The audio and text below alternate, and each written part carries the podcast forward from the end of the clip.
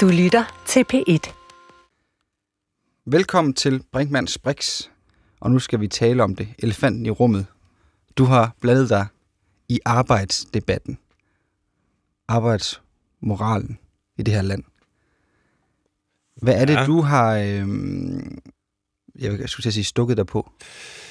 Jamen, øh, altså, det er, vi mennesker er arbejdende væsener. Det er helt øh, grundlæggende karakteristisk for os. Vi øh, har en arbejdsdeling, og det er der skrevet lange filosofiske og øh, andre doktordisputater om, og, og tykke bøger om.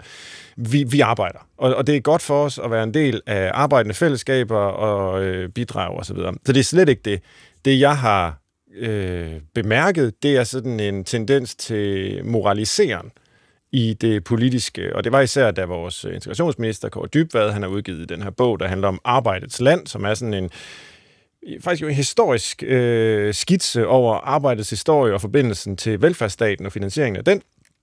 Øh, og, og da han lancerede den bog, så øh, skældte han ud også på navngivende personer. Øh, Maj Humaydan, som har skrevet en bog om Ærø-manifestet, eller det hedder den, som handler om, at øh, der kan også være en livsform i at øh, arbejde mindre, at være mere sammen med børnene, og så var det, at Kåre Dybvad kom for skade og sige, at han synes, man skulle ranke ryggen, når man hentede sit barn øh, fem minutter i lukketid øh, fra institutionen, fordi så var man en god samfundsborger, man bidrog til finansieringen af velfærdsstaten. Og den der jeg sige, moraliseren over, at det er bedre at arbejde meget, altså man er et bedre menneske, Øh, og, og det er problematisk, hvis man i perioder arbejder mindre, går på deltid, flytter øh, ud på en ø for eksempel, og har et langsommere liv.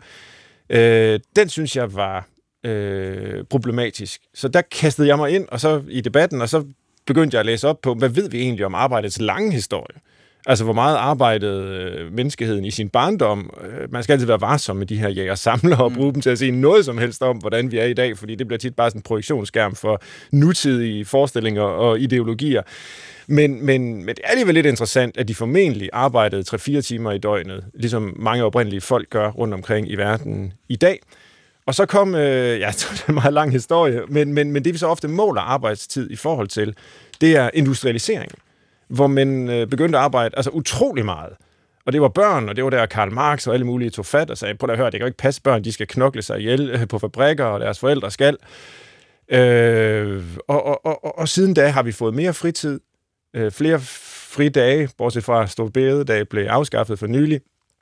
Øh, og, og, og så politikerne begynder at sige, nu går den ikke længere. Nu kan vi ikke arbejde mindre, hvis vi skal opretholde det her. Og der vil jeg jo så sige, jamen, det kommer jo an på, hvad vi ser det i forhold til.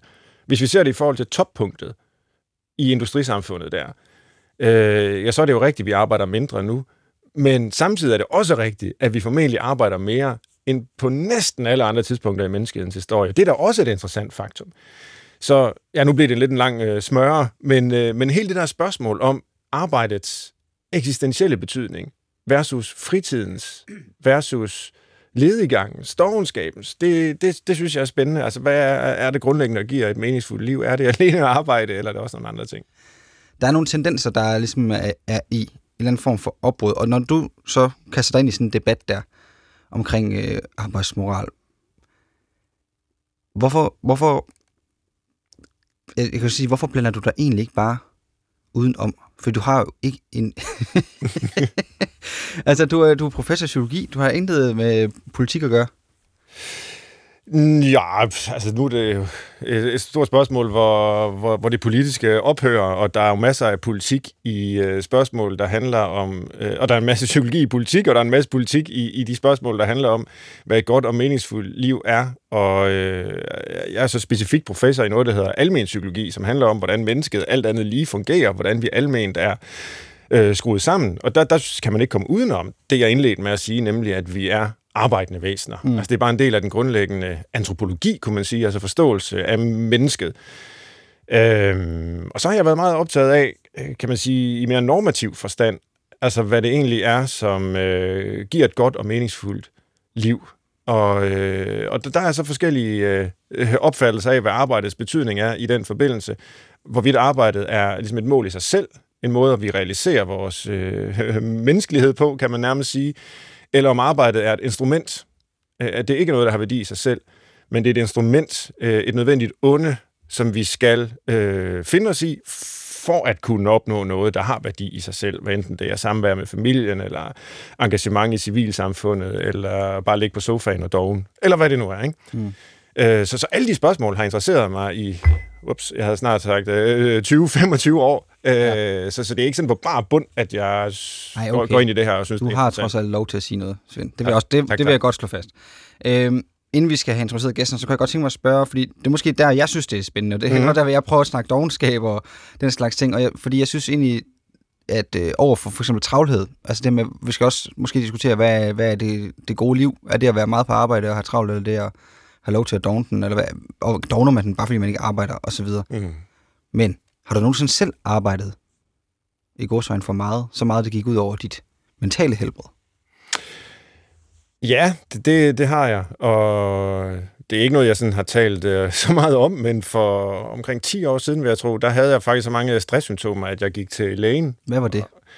Hvad symptomerne var? Ja. Jamen, det var øh, helt klassisk. Øh, høj puls og uro i kroppen og øh, sådan stram... Øh, sådan, brystkassen føles for, for stram. Jeg havde svært ved at trække vejret sådan dybt ned, og alle de der ting, som jeg jo havde læst bøger om øh, på mit studie og, og som del af mit arbejde, så altså, jeg kendte jo til det hele og kunne godt mærke, at nu er den så galt, at jeg skal lige omkring lægen. Og hvorfor arbejdede du så meget, at du kom ud i den situation? For var det for velfærdsstatens skyld? Var det for din egen skyld? Var hvis, for hvis skyld gjorde du det? Var det for ja. til børnene? Jamen, jeg, jeg, jeg tror desværre ikke, jeg kan sige, at det var for velfærdsstatens skyld, så nu skal jeg bare øh, betale en masse skat. Og øh, det, der var spændende opgaver, der bød sig til. Der var en masse ting, der øh, blev mulige på det tidspunkt, øh, samtidig med at børnene var små, og øh, karrieren var i gang, og øh, jeg havde svært ved at sige nej. Så skrev jeg sådan en bog, der handler om, at man skulle tage nej den på, og folk troede, det var fordi, at at det var jeg særlig god til, men øh, det var mere fordi, jeg var særlig dårlig til det, og øh, øh, synes, at det var noget, vi skulle diskutere lidt med hinanden, øh, og som jeg også skulle finde ud af med mig selv. Øh, så det var fordi, jeg stod faktisk i en privilegeret position, og, øh, og alt muligt spændende skete på, på en og samme tid, og det bliver så violet ind i. Og det er jo slet ikke alle, der øh, ligesom får stresssymptomer i den situation, eller øh, altså den befolkningsgruppe, som faktisk er mest stresset, det er ikke det, det, er ikke det arbejdende folk, om jeg så må sige. Det er folk, der er uden for arbejdsmarkedet, som er øh, arbejdsløse, og mm. som øh, måske bliver jaget igennem nogle øh, aktiveringssystemer og jobcentre. Øh, og det, det er jo altså målbart, man siger, at det er de del af befolkningen, der har det højeste øh, stressniveau, hvilket jo i sig selv er tankevækkende, for dem taler vi ikke så meget om. Hvorfor, hvorfor er der egentlig så mange af os, der, hvis vi ikke hvis vi knokler os selv, skulle til at sige, ihjel, ja. hvis vi ikke gør det for fællesskabets skyld, så er det jo vores egen navle, der er på spil på et eller andet område. Hvorfor, hvorfor er vi ikke... Øh, hvorfor er vi ikke klogere end det? Det virker fuldstændig åndssvagt, at du har, været, du har knoklet dig selv til stresssymptomer, kun fordi der var en spændende opgave, der bød sig til. Det vil overhovedet ikke det værd. Det er jo ikke, fordi du skal sikre... Øh... Kunne du ikke forestille dig, at det skete for dig? Nej, det var meget, jeg har et meget dovent arbejde. Det er det, jeg vil gerne lage for. Jeg sidder bare her og skruer på knapper og stiller dig spørgsmål. Ja. Det kan jeg lige klare. det er du også god til. Øh, jamen, vi, jeg tror bare ikke, øh, vi er kvikkere. Jeg var i hvert fald ikke. Øh, og nogle gange, så skal, man kan jo godt læse om det her, og jeg, jeg, jeg vidste jo alle de ting teoretisk. Øh, men øh, det er ikke det samme som, at man forstår dem i praksis før man ligesom erfarer dem. Og, øh, og det, den, den mur løb jeg så ind i der. Og det er det derfor, jeg synes, vi skal have et forsvar for dogenskaben. Vi skal, vi skal tale dogenskaben op måske, eller i hvert fald diskutere forholdet mellem øh, det, det arbejdende liv, eller det, som arbejdet skal fylde i livet på den ene side, og så ledegang og dogenskab, afslappning og alt muligt andet på den anden side. Og til at hjælpe os med det, så har vi en, øh, tør jeg godt sige, meget flittig og arbejdsom professor i idehistorie på Aarhus Universitet, som hedder Mikkel Thorup. Velkommen til, Mikkel. Tak skal du have. Og du er ikke bare flittig øh, forsker, du er også en uhyre flittig formidler, og du har både været med øh, i vores program før, og mm-hmm. i det hele taget øh, rigtig god til at, at træde til, øh, når, øh, når, øh, når vi kalder fra P1 især.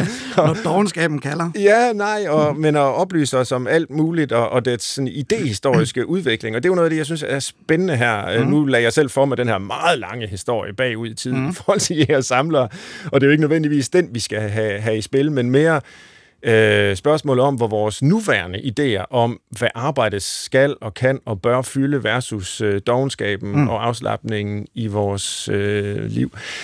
Altså nu, bare lige for at runde den her aktuelle debat, som jo er afsættet for samtalen her. Kåre Dybvad Bæk, der skriver om arbejdets land, moraliserer, øh, synes jeg, øh, over for befolkningen. Statsministeren, der sagde, at vi skal gøre op med den her myte om, at det absolut skal være sjovt, tror jeg, det var ordet, mm. hun brugte, at gå på arbejde. Øh, på den ene side, og så den her længsel, jeg synes, man kan se, ikke bare i Maj My øh, Humaydans bog, men mange andre steder i den offentlige debat, i bøger, der bliver udgivet om, hvad det gode liv er, en længsel efter et langsommere liv, bedre tid, ikke kun karriere, øh, ikke kun selvrealisering gennem arbejdet, men, men, men, men alle mulige andre ting. Så det er i hvert fald den konflikt, der er tegnet meget mm. klart op i, i offentligheden. Som, som idehistoriker, der følger det her måske lidt på, på, på sidelinjen, hvor står du egentlig i, i det?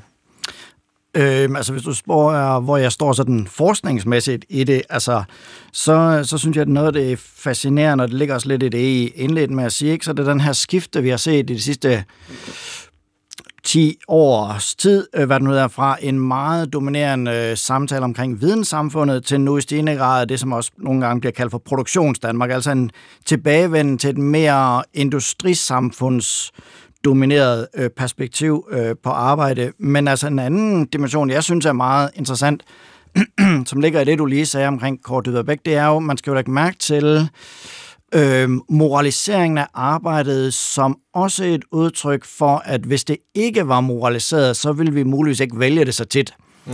Altså, så der er jo også en, der ligger jo en angst eller en ængstelse, øh, en bekymring, som kan være reel eller, eller overdrevet, som er, at hvis vi ikke formaner, hvis vi ikke øh, skærer ned, hvis vi ikke pisker, hvis vi ikke strukturerer, hvis vi ikke disciplinerer, så vil folk i og af sig selv vælge sofaen eller noget andet, eller ø-livet. Øhm, så der, jeg tror, der ligger en ret markant sådan antropologi, om man sige, som det lyder til, at dig, Kort Dybadbæk, egentlig deler. øh, nemlig, at vi vil, vi vil vælge noget andet, hvis vi, hvis vi havde muligheden. Øh, du mener så bare, at vi skal vælge den noget oftere, og han mener, at vi meget sjældent skal vælge den. Ja, det, det er jeg faktisk ikke helt sikker på, at jeg, øh, altså jeg selv ser mig på den måde, men det kan vi måske vende tilbage så jeg kan blive klogere men, men, på min men egen måske, position. Måske bare, lige, måske bare lige for, ja, måske der er noget vigtigt, der er også, jo også og lidt at afklare, hvad det er, vi snakker om, fordi at øh, nu snakker vi arbejde, øh, og jeg tror, der skal man være meget opmærksom på, at meget af det, vi snakker om, når vi snakker om arbejde, kan vi sige, er markedsversionen ja. af vores produktive aktivitet. Altså, øh, det er bare en udgave af den måde på, vi er kreative, skabende, produktive, aktive væsener, på den måde på, vi omformer vores verden, den måde, vi, som øh, Marx engang sagde, går i stofskifte med naturen øh, og producerer vores øh, livsomstændigheder. Det er jo igen i historisk perspektiv forholdsvis kort, at vi har haft lønarbejdet, men det er ligesom den dominerende måde, når vi siger arbejde på. Så jeg tror, man skal, man skal prøve at afkoble dem lidt og sige, at vores kreative eller produktive, skabende dimension også bliver udfyldt i arbejdet, men ikke kun bliver udfyldt i arbejdet. Mm, ja. Øhm, den her forestilling om, at mennesket helst vil dogne, helst vil slappe af, øh, og der ligesom skal være en, en grund til, at vi arbejder. Mm. Vi skal piskes, mm. derfor så skal der moraliseres, mm. øh, og alt det har vi jo været inde på. Hvor, hvor kommer den forestilling fra? Altså, fordi den, den findes jo rigtig mange steder. Den findes måske hos Kåre Dybvad. Du siger, mm. den måske findes hos øh, mig. Mm. Øh, det vil jeg gerne udforske lidt øh, dybere om lidt. Øh, den findes jo hos øh, økonomerne, det her mm. homo economicus-billede mm. af mennesket som øh, et væsen, der vil øh, i enhver situation prøve at opnå den størst mulige gevinst med den mindst mulige indsats, mm. sådan dybest set. Ikke? Ja. Altså, Øh, men, men, men har vi altid tænkt sådan om mennesket? Er, er det sådan en øh, universel antropologi, eller, eller kan man sige noget om, hvor den kommer fra?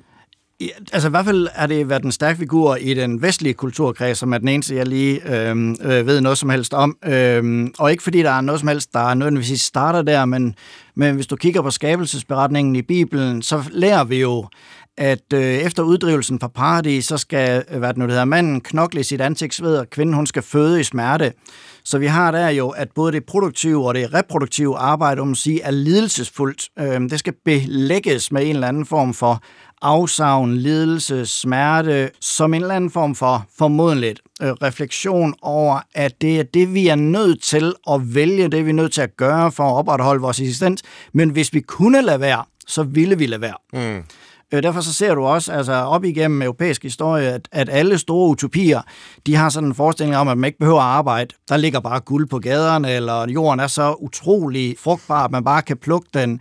Eller vi har folkesavne, hvor det altid ender med et overflødighedsårn. Et bord, der dækker sig selv. Vi har Valhalla, hvor, du ved, øh, vildsvinen, øh, hvad det nu det hedder, øh, reproducerer sig selv om natten og er klar til en ny omgang dagen efter. Altså, vi har sådan en helt dyb, dyb kulturel grundforestilling om, at arbejde er lige med uf- nødvendig ufrihed, og så har vi på den anden side drømmen om, hvad skal vi sige, en form for øh, nydelsesfri, eller øh, arbejdsfri nydelse. Mm. Men er det så den øh, eneste historie, vi har, den eneste forestilling, mm. vi har om arbejde. Altså, nu nævnte du selv mm. uh, Karl Marx, mm. du citerede ham mm. før, ja. uh, og jeg sagde, en del af den antropologi, jeg arbejder ud fra, handler om, at mennesket sådan set grundlæggende er et arbejdende ja. væsen, et ja. arbejdende ja. dyr, og vi ja. har arbejdsdeling og alt det der, som jo også er en marxistisk mm. tankefigur mm. på sin vis. Altså, der er vel også øh, den øh, tilgang til mennesket mm. som arbejdende væsen, at vi realiserer, den mm. menneskelige natur gennem arbejdet. Og det er vel ikke noget, vi skal piskes til nødvendigvis. Det er vel noget, vi gerne vil. Ja, ja, og det er jo igen derfor, jeg også indledningsvis gerne vil prøve at adskille, hvad skal vi sige, lønarbejdet fra vores almene produktive tilbøjeligheder, ja. øh, eller skabende tilbøjeligheder, og sige, at det er ligesom kun en af de udtryk, det ligesom, øh, det ligesom får. Øh, men det er jo klart, der har jo også været mange andre historier, der er også arbejder, ideen om, at arbejdet adler, og mm. at mhm. man er, bliver kvalificeret også til borgerskab, for eksempel til statsborgerskab, til modenhed ved netop at kunne knokle, ved at kunne indtræde i en eller anden form for kontraktlig forpligtelse og kunne udskyde sin øh, behov, gøre en indsats, øh, bidrage til fællesskabet. Alle de forskninger er jo også dybe øh, kulturelle ressourcer, øh, som, øh, som vi trækker på. Så det er ikke en idé om, at, at vores kultur indtil for ganske nylig var sådan øh, bundet op på en idé om, at, at man bare ikke skulle arbejde, med. jeg tror, at det er interessant at lægge mærke til, det er, at der er så utrolig meget tale, der skal øh, og kulturelle øh, koder og symbolske ressourcer, der skal mobiliseres for at få, hvad skal vi sige, et arbejdsfællesskab til at fungere. Mm. Er der sket noget øh, i dine øjne i de allerseneste år her? Fordi altså, som idehistoriker, så mm. kan du øh, trække trådet øh, langt tilbage mm. selvfølgelig. Men jeg tænker på, nu er det ikke så mange år siden, at der var sådan en rammeskrig i nationen, da Dogne Robert stod mm. på landsdækkende tv og sagde, Øh, han gad ikke at tage det, han kaldte et, et lortejob, så vidt mm. jeg husker. Mm. Øh, fordi han havde gået på universitetet, han følte sig overkvalificeret til at sidde ved kassen, eller hvad det mm. nu var. Øh, så han ville egentlig hellere gå på, øh, på, på, på dagpenge, mm. eller kontanthjælp, eller, eller hvad han nu havde mm. adgang til. Altså, det var virkelig sådan en, en, en, en kulturel øh, udskamning af ham, kan man jo sige, ho, ho, ja. hos rigtig mange i hvert fald. Mm. Øh, og så til i dag, hvor der kommer de her bøger om... Øh, altså, det er jo ikke for at sammenligne med Dogne Robert, fordi det, det er jo en helt anden øh, livsfortælling, der er i det. Øh, men Ærø-manifestet mm. nævnte jeg, der er også de her tendenser til, hvad det nu hedder alt sammen, The Big Quit, Great mm. Resignation, Quiet Quitting, altså sådan nogle engelske mm. betegnelser for, at nu skal vi lade arbejdet fylde mindre. Mm. Og så kommer modreaktionen fra mm. Kåre Dybvad og statsministeren ja. og andre. Altså, er, er der sket noget på de, nu kan jeg ikke huske, hvilket år det var, Dogne Robert var i vælten, men lad os sige 15, ja. 10-15 år øh, i dine øjne? Jamen, det synes jeg helt klart. Jeg synes, at, at det er blevet sådan en, en, øh, et diskussionsfelt øh, på en anden måde. Det er ikke fordi, at arbejdet ikke altid har været det, i hvert fald i moderne tid har været sådan en ideologisk kampplads eller, eller fokusområde, men, men der er helt klart sket, når der kommer nogle andre stemmer på banen, øh, og det, vi har jo haft de her hvad skal vi sige, anti-arbejdsforestillinger. Øh, tidligere er der jo nogen, der kan huske Jakob Havgård og øh, foreningen af et bevidst arbejdssky elementer. Øh, ja. fra en, en, Arbejdet gider vi ikke, det har ja, vi tyskerne selv. Ja, lige præcis. Så, så du ved, den har jo været her før, men jeg tror det er helt klart, at, at det er rigtigt set, øh, at vi aktuelt står i en større debat, øh, som dels tror jeg handler om, at der er en nervøsitet omkring, hvad skal vi sige, bæredygtigheden af den velfærdsstat, vi har. Øhm, der er bekymringer for, hvorvidt øh, folk, der øh, er unge nu, de har råd til pension for dem. Øhm, hvad, hvordan ser arbejdsmarkedet ud, givet algoritmer, robotter, kunstig intelligens. Øhm, så, så der er nogle nye, øh, hvad skal vi sige, øh, problematikker, øh, som rejser sig, som, som gør det vigtigere ligesom at få afgjort, også afgjort øh, spørgsmål om, hvad vi skylder fællesskabet. Mm. Øh, fordi der ligger jo også formodentligt, men det tror jeg næsten, du vil øh, kunne sige øh, mere og bedre om, altså øh, en eller anden form for øget individualisering øh, under det her, både som en drivkraft, men måske også for nogen, for eksempel som Kort Yderbæk, som en, en frygt for, at fællesskabet bliver offret på den individuelle selvrealisering eller den individuelle nydelsesalder. Øh, ja. Og nu ved jeg godt, du ikke er her for at fælde øh, dom eller være normativ. Du er her som øh, videnskabsmand, der har beskæftiget sig med, og beskæftiget mm. sig med idéhistorien. Men, men, men, men står du alligevel selv et eller andet sted i den debat? Øh, for man kan sige, en stor mm. del af det idehistoriske tankegods, jeg i hvert fald har tilegnet mig også fra den øh, arbejdsplads, du er ansat mm. på på Aarhus Universitet, hvor der er sådan en lang, også marxistisk tradition, mm. der, der er der jo også en kritik mm. af individualisering. Mm. Og, og det er jo for så vidt den, som en, en person som Kåre Dybvad mm. øh, tapper af, ja. når han siger, jamen livet skal ikke handle om bare at gå og, og hygge sig med sig selv og realisere sig selv øh, i sin egen individualitet. Mm. Den skal handle om at være forpligtet mm. på et fællesskab. Ja. Det lyder vel meget godt? Ja, og yes, altså for mig er det en super interessant endnu en installation af den sådan evindelige øh, og uomgængelige diskussion, der handler om forholdet mellem individ og fællesskab. Ja. Altså det er utroligt ambivalente og aldrig nogensinde kan landes på en god måde for alle øh, give or take, som ligger i det, øh, som vi hele tiden genforhandler individuelt og kollektivt, øh, må vi genforhandle, fordi at individet er forudsætningen for fællesskabet, og fællesskabet er forudsætningen for individet, men dermed er intet sagt om, hvordan de to parter eller de entiteter ligesom skal træde i relation mm. til hinanden. Hvor meget kan fællesskabet kræve? Øh, hvornår kan man lukke døren og sige, det angår kun mig? Hvis det er, at fællesskabet også skal være med til at finansiere, øh, lad os sige for eksempel sundhedsudgifterne på ens øh, private valg. Der er en masse af de der ting, altså her, som, som jeg, og det, du ved, det her er mit lange svar for ikke at give dig et, et, et, et hvad nu hedder, ideologisk, ja, øh, ideologisk svar. Det er fair nok. Øh, hvad du, men hvis jeg skal sige, hvor jeg står, og så er det ikke fordi, så kommer det ikke ud fra et marxistisk synspunkt, men det er bare et marxistisk, eller et marx-citat, så synes jeg, det klogeste, der er sagt om et fornuftigt arbejdsliv, er øh, et af de få steder, han snakker om det kommunistiske samfund, hvor han siger noget om, at man er, kan være jæger om formiddagen, så er man filosof midt på dagen, og så er man øh, fisker, og så er man bonde om aftenen, uden på noget som helst tidspunkt at være jæger, fisker, bonde eller filosof. Altså, ja. man har en lang række, en meget bredere række af produktive øh, beskæftigelser, og ingen af dem er endegyldigt identificerende for en. Nej. Det får mig at se det bedste øh, bud, der er på, hvordan det kan gøres øh, smukt. Hvad det så betyder i praksis, det har jeg ikke den fjerneste anelse om.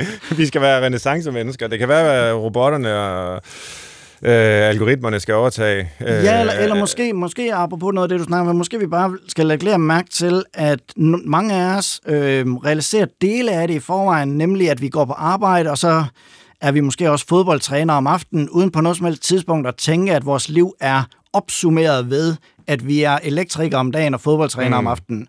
Øh, altså, hvis man også kigger på nogle af vores andre produktive aktiviteter, øh, så begynder man måske at kunne se øh, antydningerne af, hvordan et mere fleksibelt, på den gode måde, arbejdsliv kunne se ud. Ja. Noget af det, der er Socialdemokratiets aktuelle, og det har det for så vidt været en årrække efterhånden, øh, hvad kan man sige, retorik i forhold til arbejdet, det er jo det her med ret og pligt. Mm. Det bliver gentaget mm. igen og igen. Mm. I Kåre Dybvads bog, der står der også flere steder, at sådan noget som sociale ydelser, det er ikke noget, vi giver ud fra sådan øh, barmhjertighed. Mm. Øh, det er fordi, man har en ret til at modtage det i, i det fællesskab, mm. vi har. Øh, til gengæld har man den her pligt. Ja. Øh, ja. Det, det er ligesom øh, fænomener, der modsvarer hinanden til at stå til rådighed og, og bidrage mm. øh, på arbejdet i den udstrækning, man overhovedet kan. Mm. Øh, så arbejdet bliver ligesom adgangsbillet til fællesskabets ja. øh, ydelser. Og, og nu er det jo ikke, fordi det skal handle om Socialdemokratiets historie specifikt nødvendigvis, men, men det har jo været øh, væsentligt for opbygningen af velfærdsstaten. Mm. Så altså, hvor kommer den her ret og pligt øh, dualitet fra? Øh, er, er, er det sådan en særlig dansk velfærdsstatslig eller nordisk måske opfattelse af menneskets forhold til, individets forhold til nationen, Øh, øh, øh, eller er det en mere universel, hvad ved jeg, europæisk forestilling? Altså jeg tror, den har et mere rent eller, eller omfangsrigt udtryk i de nordiske øh, lande, måske også givet Socialdemokratiets aftryk på, på hvad skal jeg sige, statsopbygningen i det 20. århundrede, og jeg tror, noget af det skyldes også den tidlige arbejderbevægelses øh, historie, hvor det handlede også om at Øh, og der snakker man også meget om, hvordan arbejdet adler, fordi man var nødt til at insistere på, at arbejderen var en fuldgyldig borger.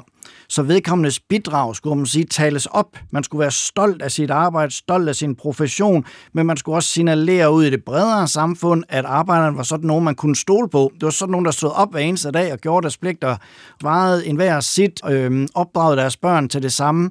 Så der var også et kæmpestort, hvad skal vi sige, ideologisk eller propagandistisk, eller hvad vi nu vil kalde det, øh, projekt, der også lå øh, i det, som jeg ser, i hvert fald ser som en af ophavs øh, øh, årsagerne til den her øh, ret og pligt øh, logik. Ja, ja Gør og så er der også en konservativ eller, eller øh, dimension af det, som da vi begynder at få menneskerettighederne, som jo er meget stærke på rettighedsspørgsmål, så får vi også en, en bevægelse der, hvor folk begynder at og insistere på, at der må også være et sæt af pligter. Det kan ikke bare være, at man får rettet, man ikke bare får trækninger på staten. Mm. Øh, der må også være et pligtkatalog, som er menneskets og borgerens pligter. Og en ting, jeg også lige vil, øh, vil berøre og, og have de bud på, før vi går videre til modsætningen mm. til arbejdet med dogenskaben, som, øh, som også er et af omdrejningspunkterne her. Mm det er, altså ud over den her politiske dimension ved arbejdet og forbindelsen fra arbejdet til velfærdsstaten, så er der jo også i de senere år øh, været en hæftig hvad kan vi kalde det, sundhedsdiskurs, mm. forbundet med hele vores samtale om arbejdet herhjemme. Altså, mm. jeg var også inde på, at de allermest stressede befolkningsgrupper er dem, som øh, ikke har et arbejde, Øh, men man kan også blive syg af at gå på arbejde. Mm. Øh, arbejdsrelateret stress øh, fylder øh, virkelig meget, og der er sygemeldinger, og økonomer kan beregne, hvor meget det koster nationen af milliarder hvert år, at, øh, at, at, at folk bliver syge af at, at gå på arbejde. Altså nu er de sådan meget, nu er meget oppe i helikopteren, men, men kan du sige noget om, hvad der kendetegner den debat? Øh, hvordan har den egentlig udviklet sig historisk? Altså, det eneste, som, det er slet ikke mit felt, men altså det eneste, jeg, jeg synes, man kan bemærke der, det er jo, at det spørgsmål fylder mere i dag, end det, jeg tror, jeg har gjort tidligere. Altså, vi bliver mere opmærksom på de, både de økonomiske og de menneskelige konsekvenser af at gå på arbejde. Mm. Øhm, altså, sundhedsdimensionen af arbejde fylder mere i dag. Øhm, dels fordi, at sundhedsdimensionen fylder mere til sydenlandet af alt muligt øhm, øh, i det her år, men, men det virker for mig som om, at at den dimension nu er blevet, at den har altid formodentlig altid været der, men nu er det først nu, den for alvor er blevet et problem. Det er blevet noget, vi har taget af, noget vi ikke synes, vi kan leve med, så vi får handlingsplaner omkring øh, du ved, stress og nedslidning, mobning på arbejdspladsen. Altså det er blevet et, et fokusområde, som en formodentligt, men igen, det må du øh, kunne sige meget mere om, som en del af den mere generelle, lad os kalde det, sundhedsliggørelse af, ja. vores, øh, af vores samfund. Det får selvfølgelig også konsekvenser ind på vurderingen af arbejdslivet. Ja, altså et er, at man ikke skal blive øh, syg af at gå på arbejde, det kan man selvfølgelig hurtigt blive enige om, men jeg tror, det nye er, at man også lige, altså det ligefrem være sundhedsfremmende mm. at gå på arbejde, mm. ikke? og der er DHL-stafet, og der er frugtordning, mm. og der er yoga og øh, fælles korsang om ja. fredagen, og ja. alle mulige ting. Ja øh, som på en eller anden måde altså, jo er, er, er godt, fordi så har mennesker det rart, øh, når de er på arbejde, mm. men, men man skal måske ikke være så øh, mistroisk anlagt, før man også skal begynde at se, at der måske også er en form for sådan optimering af arbejdsstyrken i det, ja, ja. så den simpelthen yder mere. Altså, man, jeg synes også, at jeg synes også, det er positivt. Man vil hellere være sådan et sted, ja, hvor der er det, end hvor der ikke er det, øhm, og hvor man får en fuckfinger på vej ud af døren om fredagen. øhm, det er klart, men det er selvfølgelig klart, man er også nødt til at spørge, hvad det er udtryk for. Altså er det udtryk for, at man vil hive mere ud af folk? Altså man vil hellere betale en billig frugtordning, en højere løn eller en ekstra medarbejder til at klare det, øh, fordi man får en anden trækningsret på sine medarbejdere, når man har været sød ved dem. Øh, handler det om, at vi oplever, at andre fællesskaber er tyndere, så derfor så lægger vi mere ind i arbejdsfællesskabet. Nu det skal ligesom kunne mere, det skal rumme mere, det skal gøre mere for os fordi vi tænker, at velfærdsstaten er blevet tyndere og mere øh, brutal. Øh, vi føler måske, at vores lokalfællesskaber er blevet en lille bitte smule mere øh, porøse eller ikke eksisterende endda. Så der er i hvert fald en overvejelse der om, om vi er i gang med at overbelaste, hvad for en form for fællesskab arbejdet øh, kan være. Sådan den tredje og sidste ting, som tapper lidt ind i det, vi indledte med at sige, så er det jo også spørgsmålet om, hvorvidt det er en del af den måde på, vi skal lokkes til at arbejde, fordi vi helst vil lade være. Ja, og det er det, jeg gerne vil øh, over til nu, om vi egentlig grundlæggende øh, helst vil lade være. Jamen, jeg, har, jeg bliver nødt til, at, lige, jeg, jeg nødt til at bryde med noget, for jeg kom til at tænke på, at vi har jo haft øh, en del, øh, eller for eksempel haft hjemmepasser med mm. i vores program. Og øh, der er der den her øh, idé om, at samfundet ikke tilbyder god nok pasning. Måske er det arbejdsliv, man selv har haft, øh, ligefrem øh, ikke, eller ikke godt nok skadeligt, øh, ikke, i hvert fald ikke sundhedsfremligt. Så man tænker, jeg gør det selv. Mm. I gåsøjne melder sig ud i hvert fald det, som øh, kritikere vil sige. Nogle af de her hjemmepasser så forsvarer sig så ved at sige, jeg melder mig ikke ud, jeg laver bare mennesker, der kan faktisk indgå i det her samfund, som er så hårdt, og de, de, det tilbud, jeg har nu ved at putte dem i vuggestue eller børnehave i kommunens regi, det er ikke godt nok. Mm. Går modellen lidt i stykker her, eller hvad, Mikkel? Altså, fordi du snakker om det her med, at, at vi, vi, vi skal på en eller anden måde indordne os, men vi skal på en eller anden måde, vi skal selvfølgelig heller ikke øh, tage skade af det. Øh, men når man så... Det er klart, hvis, ma- hvis mange nok har den oplevelse, at deres bidrag er øh, ligegyldigt, deres skattepenge går til noget andet, øh, at man kan ikke vende ryggen til velfærdsstaten, altså man kan ikke efterlade sine børn, eller sine ældre, eller sin eget brækkede hofte øh, i det offentlige øh, varetægt, så er det klart, så bliver hele den kontrakt, eller hvad vi vil kalde det, mellem ret og pligt, øh, hvad det nu der er, mellem arbejde og nydelse, jo øh, meget svær at opretholde. Øh, så det er klart, der, der ligger også en anden dimension, som vi ikke har snakket så meget om, som er, øh, hvad det er, øh, der staten skal yde for den arbejdsindsats, som, øh, som vi gør. Øh, ja, fordi hvis, vi, hvis, hvis, hvis, hvis ydelserne ikke er gode nok, øh, så, så begynder det vel også at knække på et tidspunkt. Det er måske også det, Socialdemokratiet PT er i gang med at prøve at modsvare den, øh, den arbejdstid, vi så giver man, jeg tror i hvert fald, man kan se i andre samfund, hvor, hvor hvad skal jeg sige, det, man får for pengene, eller det, som staten tilbyder, er meget mindre. Der ser vi jo på godt og ondt, at andre instanser, først og fremmest familien, eller lokalsamfundet, eller private initiativer, ligesom træder meget mere ind. Og det kan man på den ene side se som, ej, hvor er det dejligt varmt og lækkert. Øh, på den anden side kan man også se, og så er vi tilbage til det der med, med ret og pligt, ikke? Og, og ret, det får man bare ved og, øh, at blive født som borger. Der er også en kæmpe stor befrielse ved, at man ikke skal stå og gøre sig gør sig til. At man ikke skal være født af de rigtige, man skal ikke bo det rigtige sted, man skal ikke kende de rigtige. Man skal bare have et CPR-nummer og så møde op. Øh, så får man en trækningsret. Der er også en kæmpe stor øh, befrielse. Det er det, der så ligger frygten, det er jo, hvis du har den trækningsret, øh, hvad du ikke bare kvæg at være borger, har du så tænkt dig at gøre en indsats. Og der må man jo også bare sige, altså lidt kritisk, folk gør jo en kæmpe indsats. Altså, Øh, vi diskuterer jo ikke om, hvorvidt folk lader være med at gå på arbejde eller ej. Øh, vi diskuterer omfanget af, mm. af deres, øh, deres arbejde.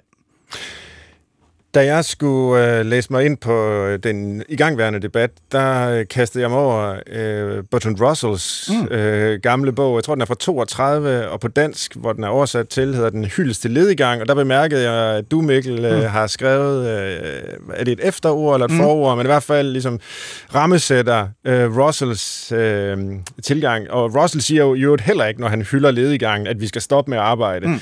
Han vil egentlig bare have den samme diskussion, som, som, som vi har nu, som handler handler om at sige, hvor, hvor meget er det rimeligt, at vi arbejder, mm. og, og kunne der være øh, noget øh, vigtigt i livet i at, at bruge noget af tiden på, på noget andet, mm. øh, som du også har været inde på. Men hvorfor, øh, ja, eller jeg ved jeg skal spørge, hvorfor blev du interesseret i Russells syn på, på, på ledigang og dogenskab?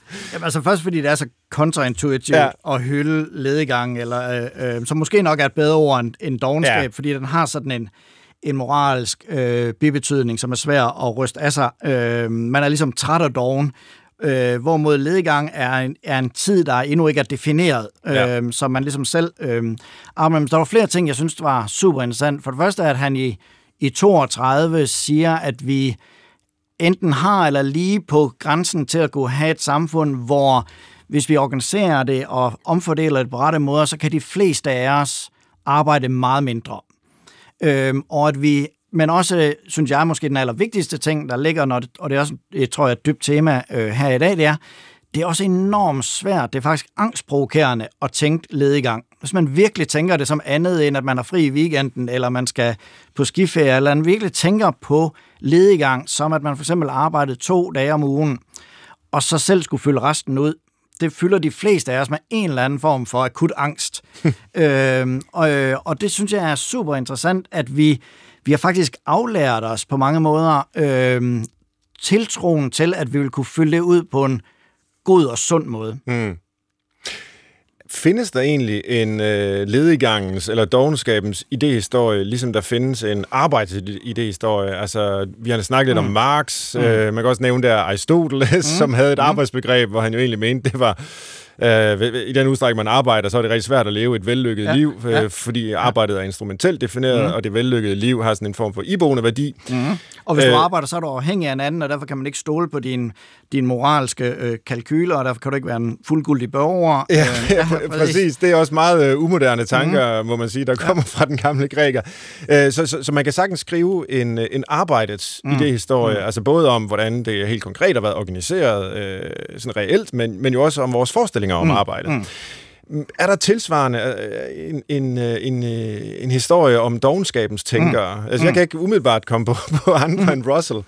Øh, altså, der er nogen, altså jeg tror, hvis man skulle skrive den, så skulle man netop meget mere tage det noget af det ind, som jeg også nævnte før, altså folkesavn og utopi og, og den slags ting, altså her, ja. hvor vi, vi ser en formulering, øh, en længsel, øh, en påkaldelse, øh, som står i modsætning til det arbejdsliv, som de mennesker, de stod midt i, øh, og den meget usikre livssituation, de stod midt i. Når de gerne vil have et overflødighedsånd, så er det jo fordi, at, jo, at det kan være usikkert, om man der kommer pest, eller der kommer en tørke, eller der kommer... Hvad det, altså, så usikkerheden gør, at man gerne vil have den der stabilitet. Men, men altså, du startede jo med, eller du nævnte Aristoteles, og, og der er jo en... Øh, og så kommer det virkelig til. Det er jo øh, fund for, øh, for Kort Dybad Bæk og hans kritik af, og de andre socialdemokraters kritik af den kreative klasse, fordi der er jo en, der er jo en filosofernes ledigangsfilosofi, som er den, at de alle sammen, eller mange af dem snakker om, at man har simpelthen behov for ledigang for at kunne tænke. Ja. For at have, leve et kontemplativt liv, øh, hvad nu der, så er du nødt til ikke at skulle arbejde. Altså, øh, allerede Aristoteles sagde øh, noget i retning af, øh, at ledigang indeholder øh, nydelsen og lykken og livsglæden, og i modsætning til den travle, så er det kun den ledigange, den der er i ledigang, der ligesom kan øh, opnå de her ting, som har tid og overskud til rent faktisk at nyde dem frem for at være vej videre eller knokle. Så der, der kan helt klart skrive sådan en, men det handler først og fremmest om, hvordan øh, filosofer beskriver deres egen, øh, eller tænkere generelt beskriver deres egen optimale livssituation. Ja. De vil helst ikke knokle på, på marken, de vil gerne have en hustru, der kommer ind med teen, og så beskriver de, hvordan det er om at sige, øh, tænkningens forudsætning at være, øh, øh, være ledig. Men samtidig har du også i hvert fald i den tidlige arbejderbevægelse forskellige øh, øh, udtryk for, øh, der er Paul Lafargue, som var, øh, som var Marx's svigersøn, som vi det lige husker, som i gang i 1880'erne skrev en lille bog, eller en lille tekst, der hedder Retten til at være dogen, mm-hmm. øh, som mest handler om at, at angribe arbejdet for at være øh, øh, forkryblende øh, for at vi har sådan en rasende arbejdspassion. Men der slår han til lyd for, at at øh, den her antropologi om, at det er menneskets sådan grundbestemmelse at bare have det godt, og lave så lidt som muligt, og nyde livet. Øh, så altså, han prøver at advokere for en modsætning mellem arbejde og liv som, som jeg også nævnte før, den, den senere arbejdebevægelse øh, gør, tager et opgør med i dens accept af, kan vi sige, arbejdssamfundet og dens forsøg på at bruge arbejdssamfundets etik til ligesom at kvalificere øh, øh, arbejderen. Øh, men du har også, jeg tænker på sådan en som Thorstein Veblen, for eksempel den store mm-hmm. øh, sociolog, som snakker om den ikke-produktive brug af tid, som han prøver at advokere for, er en, er en øh, på det tidspunkt en truet, en truet aktivitetsform. Øh, altså vi hele tiden, at der er en mulighed for at bruge vores tid på en måde, hvor vi ikke tænker på, hvad dens nytte er, eller den skal optimere en anden situation, at nu skal vi kunne løbe et minut hurtigere på den her øh, maraton, eller øh, hvad ved jeg, man, øh, folk finder på at lave øh, nu til dags. Men altså ting og sager, hvor aktiviteten, når man siger, bærer, øh, bærer, øh, bærer lønnen i sig selv, og den har ikke noget ekstern formål. Mm-hmm. Øhm, og den sidste, jeg bare lige sådan i en fuldstændig løsagtig øh, form kan komme på, er at, at interview, han Arndt hun gang gav øh, i, i 60'erne, hvor hun på et tidspunkt siger øh, noget i retning af, jeg kender min egen dogenskab. Øh, og det er igen den her idé om, at man har brug for at være doven, eller måske kede sig, øh, for at kunne leve et kontemplativt liv. Man har brug for, at når tingene ikke lige kommer til en, når tingene ikke lige lykkedes, når man ikke lige kan finde ud af at spille den der strofe på gitaren, eller hvad man laver på en guitar, øh, hvad det nu det hedder, øh, at man så ikke er nødt til at forlade den. Man, man kan blive ved, og man kan blive ved, selvom det viser sig, at der ikke rigtig kommer noget godt ud af det. Igen, så har vi den der idé om, at, at ledegangen er grundforudsætningen for i hvert fald, hvad de her filosofer vil tænke som det, det virkelige, det bedste form for liv, nemlig det tænksomme liv. Ja. Du nævnte øh, tidlig i samtalen, Mikkel, øh, det her med industrisamfundets mm. opfattelse mm. af arbejdet, som mm. måske med Kåre Dybvad og mm. andre er kommet lidt tilbage mm. i den offentlige mm. debat. Altså, mm. man talte så i nogle år om videnssamfund mm. og alle mulige andre betegnelser. Mm. Øh, og globalisering, og det var nogle andre end os, der skulle arbejde. Det er ja. måske ikke tyskerne, vi har til det, som Jacob Havgaard sang, mm. men så kineserne og mm. inderne og mm. alt muligt. Og du finder ud af, at vi bliver faktisk nødt til at arbejde selv. Ja. Og der er nogle af de der dyder fra industrisamfundet, vi måske skal have tilbage, hvis det ellers er dyder. Mm. Øh, det, det, øh, tro, det tror jeg også er, er helt klart en, en rigtig læsning af, af, af udviklingen. Men, men, men samtidig så er der måske også noget ved vores opfattelse af arbejde i dag, der adskiller sig fra industrisamfundet mere og mere, fordi det, man trods alt må give øh, den samfundsformation og dens opfattelse af arbejdet, og parolerne, ikke? Øh, med 8 timers øh, arbejde, 8 timers øh, fritid og 8 timers hvile. Mm. Det var jo, man forsøgte at inddæmme arbejde. Mm og sige, der er ja. øh, en tid til at arbejde, og så er der, og det bør trods alt være det meste af tiden, mm. der, skal, der skal bestå i noget andet. Ja. Og, og der kan man jo sige, at øh, det der arbejde, det kan godt være, at vi ikke får løn for mere end 37 timer om ugen, men øh, vi kan i princippet arbejde hele tiden. Mm. Vi har hvad hedder sådan noget, hjemmearbejdsplads, øh, e-mails øh, selvfølgelig, og vi tager arbejde med hjem, og vi tager for så vidt også hjemmet med på arbejde, mm. også mm. jævnfør eksemplerne fra før, med, altså man laver sjove ting med kollegerne, som man måske tidligere ville lave med sine venner, ja. og altså stafet og mm. øh, popcrawl og, og hvad ved jeg. Så altså, hvordan ser du den udvikling? Mm. Altså, er det et, øh, et, et tab eller en gevinst? Igen, det er selvfølgelig mm. en normativ dom, mm. som idehistoriker mm. altså, nødigt vil fælde. Øh, men men, men, men jeg, jeg synes, hvis jeg må være normativ, mm. at det, det trods alt var en af de gode ting, vi kunne tage fra industrisamfundet og forsøge at bevare. Altså den der inddæmning af arbejdet. Ja. Det behøver ikke at fylde det hele. Ja. Øh, ikke, ikke hele min mm. identitet. Mm. Øh, og ikke hele min tid. Men det kommer det så alligevel til. Ja. Jeg synes også, at en af de fantastiske ting også ved arbejdervægelsen var jo, at den gjorde kampen om arbejdstiden, om arbejdsdagens længde, til et grundspørgsmål. Øh, og dermed jo også sagde netop, at øh, den kommandoret, man har, når man træder ind af fabriksporten, den slutter, ja. når fabriksfløjten den lyder, og derefter har du ingen trækningsret på mig, og du har også kun hvad skal vi sige, lad os kalde det min fysiske indsats. Ja. Du har ikke min person og min livsglæde og mine kompetencer Nej, og, og alle de der ting, altså at du får, hvad du betaler for, og ikke mere. Ja. Øhm, og det er klart, at, at da vi kommer op i det postindustrielle eller service-samfundet, eller videnssamfundet, hvad vi nu end vil kalde det, der får vi lige præcis en, måske en, på mange, for mange mennesker en sjovere arbejdsplads, men også en mere intens arbejdsplads. Ja. Øhm, og, og det er klart, der er, der er noget, og øh, for ikke at være normativ, så der er noget give og take på begge. Ikke? Altså, øhm, det betød, at når vi så kigger på den aktuelle debat, så kan vi sige, at der er ligesom to debatter. Ikke? Den er en, som handler om arbejdstidens længde.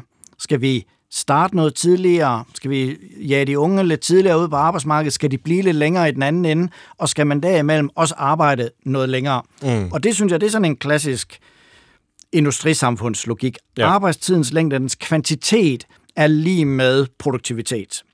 Øh, og så har vi en anden diskussion, som handler om arbejdets kvalitet, hvad der foregår inden. Skal det være sjovere? Skal det være anderledes? Skal det være basisdemokratisk? Skal det, altså alle de der øh, diskussioner, som handler mere om, hvordan hvad der foregår, når vi er på arbejde. Og der synes jeg måske nogle gange, at diskussionen er kommet til at handle lidt for meget om længden øh, i de seneste år, og lidt for lidt om kvaliteten øh, i arbejdet, øh, eller formerne øh, for arbejde. Men jeg er helt enig i den nu kommer jeg også med en lang tirade, ikke? men altså med din indledende betragtning om, at der også er noget ekstremt befriende i, at man kan sige, det rager ikke dig. Mm. Du påstår, du elsker mig, kære chef, men altså, jeg elsker ikke dig, jeg elsker ikke mit arbejde. Øhm, det er et job. Ja. Øh, og jeg tror også, vi lidt har misset, at for mange mennesker er det en kvalitet ved at gå på arbejde, at man går hjem og at man ikke skal mere, end man skal på arbejde. Ja. At man ikke er der, man skal have sine bedste venner, og, og chefen skal man øh, dele sommerhus med, og du ved, man skal altid lave alle mulige ting og sager øh, uden for arbejdstid. Øh, men at man bare klokker ind og klokker ud, og så har man sit sande liv uden for arbejdet med de midler, som ens arbejde har givet en fuldstændig instrumentel forståelse af arbejde. Og den har, synes jeg, vi har svigtet ved, at vi har øh, kaldt den forældet, gammeldags, øh, som sådan noget, der er ikke nogen, der havde lyst til. Men for mange mennesker er det en stadigvæk vigtig del af at gøre. For mange af os andre er det ikke. Men forstår du, men altså der er ja, ligesom... Ja. Der er forskellige måder på, vi går på arbejde, og hvad det er, vi ønsker øh, af øh, arbejdet. Og noget af det, der var problemet i videnssamfundet, det var en alt for let opmærksomhed på, at det dels ikke var den måde, alle arbejdspladser var på vej, hverken national eller global, og det heller ikke var det, alle mennesker ønskede sig. De ønskede sig ikke en frugtordning og massagebord. Nej, og de ønskede sig måske heller ikke partout at skulle være fleksible og omstillingsparate og agile og humoristiske og robuste og Nej. alle de der kan man sige, meget personlige egenskaber, som efterspørges i ja, nærmest hver eneste jobannonce stadigvæk. Ja. Øh, uanset hvad det er for et job, man skal øh, udfylde. Altså hvad det er for en funktion, øh, hvad, man skal ind og, og få løn for. Altså det er ikke ens tid alene, man bliver betalt for at levere øh, en indsats i. Det er ens person og personlighed. Ja, og der kan, øh, tror jeg, at vi kan se mange af de der ting, du også snakker om omkring sundhed, som en form for reaktion eller øh, dysfunktion måske endda af, øh, af den form for arbejdsplads, øh, hvor det er enormt svært, også som du helt indledningspersonligt, øh, sådan, enormt svært at sætte en grænse. Ja. Hvornår, hvornår ophører ens arbejde? Er man på arbejde derhjemme også? Øh, hvad nu, når man cykler en tur? Øh, hvordan siger man nej til den ene spændende opgave efter den anden, øh, når der ikke er nogen, der beder en om at stoppe og tage hjem? Hvordan håndterer man det så? Mm. Vi øh, nærmer os småt øh, de sidste minutter af udsendelsen, og jeg synes, vi har øh, været godt omkring øh, arbejdsliv og, og dogenskab. øh, måske, måske mest det første dog. Men... Vi ved ikke, om, om Christoffer er enig at vi har lavet et forsvar for, øh, for dogenskab ja, i dag. Det går, at vi lige skal høre ham. Jamen, jeg, er du tilfreds, Christoffer? Jeg, jeg vil godt stille et spørgsmål. Hvordan okay. ville verden se ud, hvis vi definerede den ud fra dogenskab og ledigang og ikke arbejdet? hmm. Altså, det var det, der kom først. Altså, øh, det, er måske, det er måske ikke et forsvar for det så, men på mange måder vil det ligne øh, det, som øh, Svend også i sin historiske redegørelse snakker om, som jeg samler samfundet, hvor alt tyder på, at ikke nok med, at de ikke arbejder så mange timer, men også måske, at leg og ritualer og den slags ting, altså, var meget mere øh, spundet ind i arbejdet. Øh, hvor man kan sige, at det, som kommer til at ske særligt med, øh, med landbrugssamfundet og bliver implementeret med industrisamfundet, det er, at vi opdeler leg og arbejde. Mm. Mm. Og så har vi nogle diskussioner om, hvorvidt vi skal have det leg ind i arbejdet, eller vi overhovedet ikke skal. Øhm, men, men det kunne godt til sådan noget. Det vil ikke sige, at det, vi ikke lavede noget, men det vil måske sige, at den måde på, vi lavede det, vil være måske mere ritualiseret, øhm, havde en større symbolkraft måske, men det havde måske også mere øh, flere lejende elementer, øh, hvor det var sværere at, og helt at adskille den uproduktive fra den produktive brugertid. Mm. Har du et bud, Svend? Jamen på en måde, så øh, er jeg ikke sikker på, at jeg helt forstår præmissen, fordi det er jo, i hvert fald hvis man tager alvorligt, hvad vi har snakket om, og hvad Mikkel har fortalt, så, så er det på mange måder det samfund, vi har.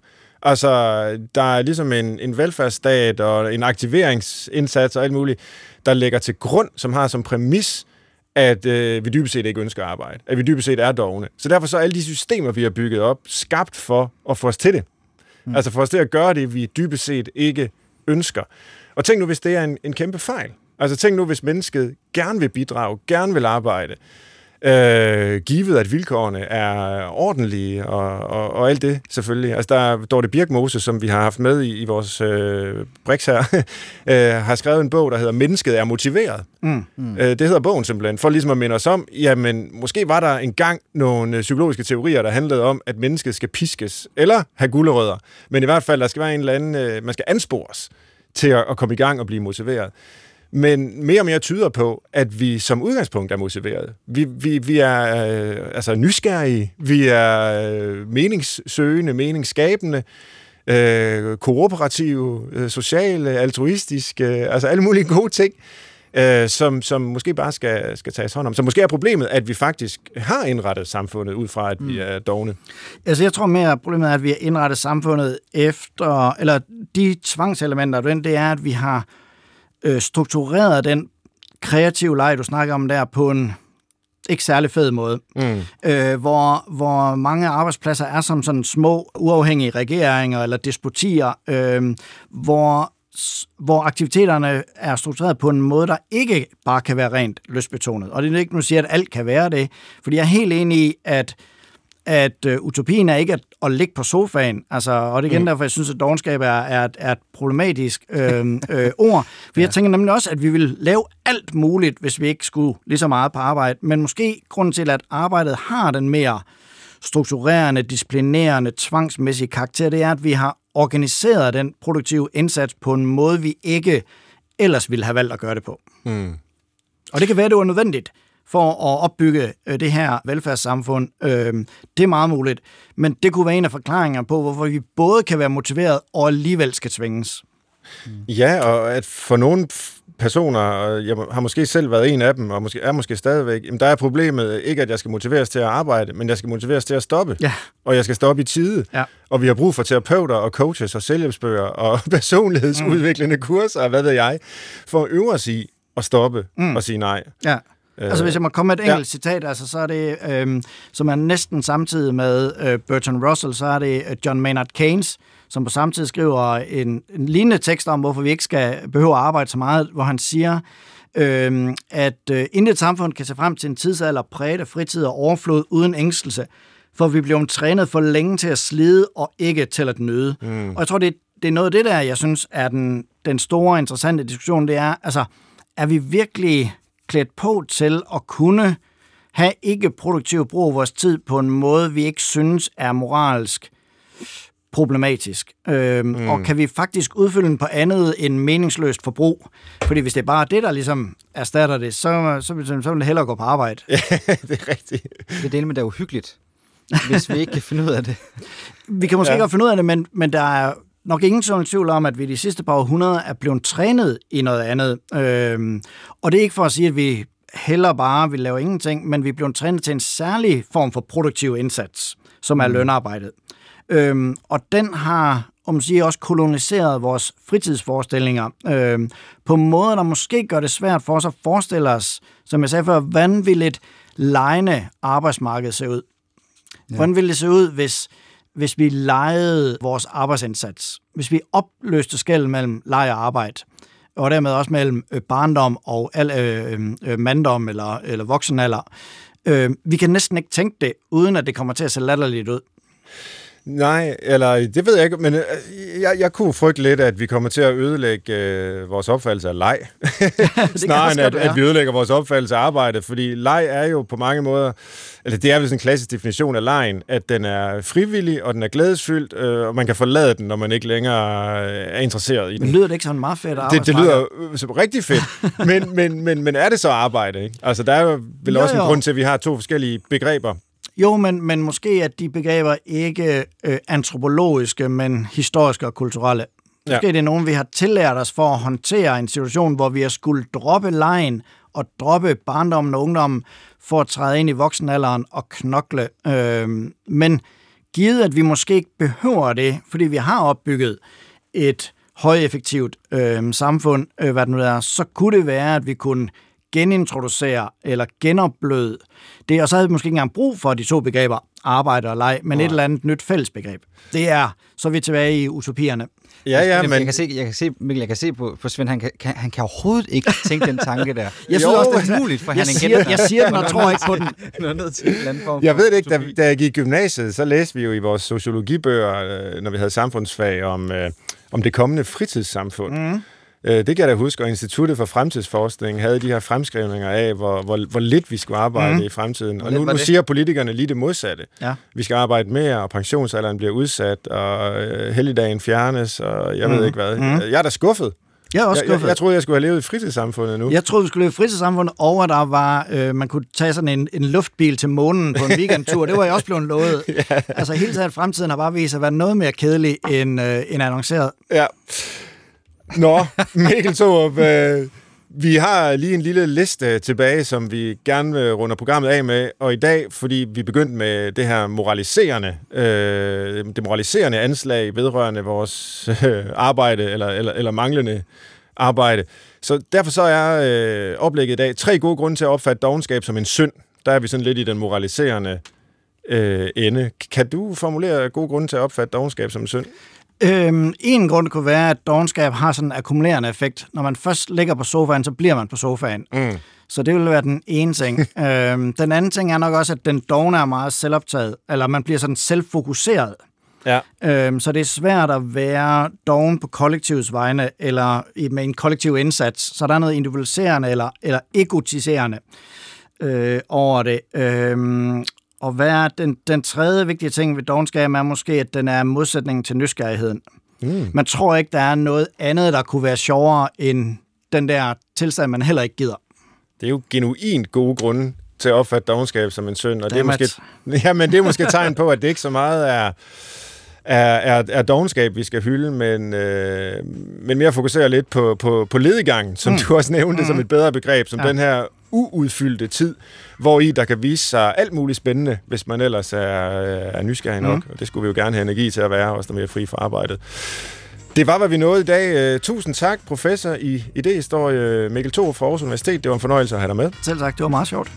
Vores lille reaktion bag Brixen til retlægger Christoffer Heide Højer og jeg, Svend Brinkmann, vender tilbage igen om en uge. Man kan lytte til tidligere udsendelser i appen DR Lyd, og man kan altid skrive til os med forslag til nye programmer på brinkmannsbrix.dr.dk. Jeg håber, vi høres ved. Tak for i dag.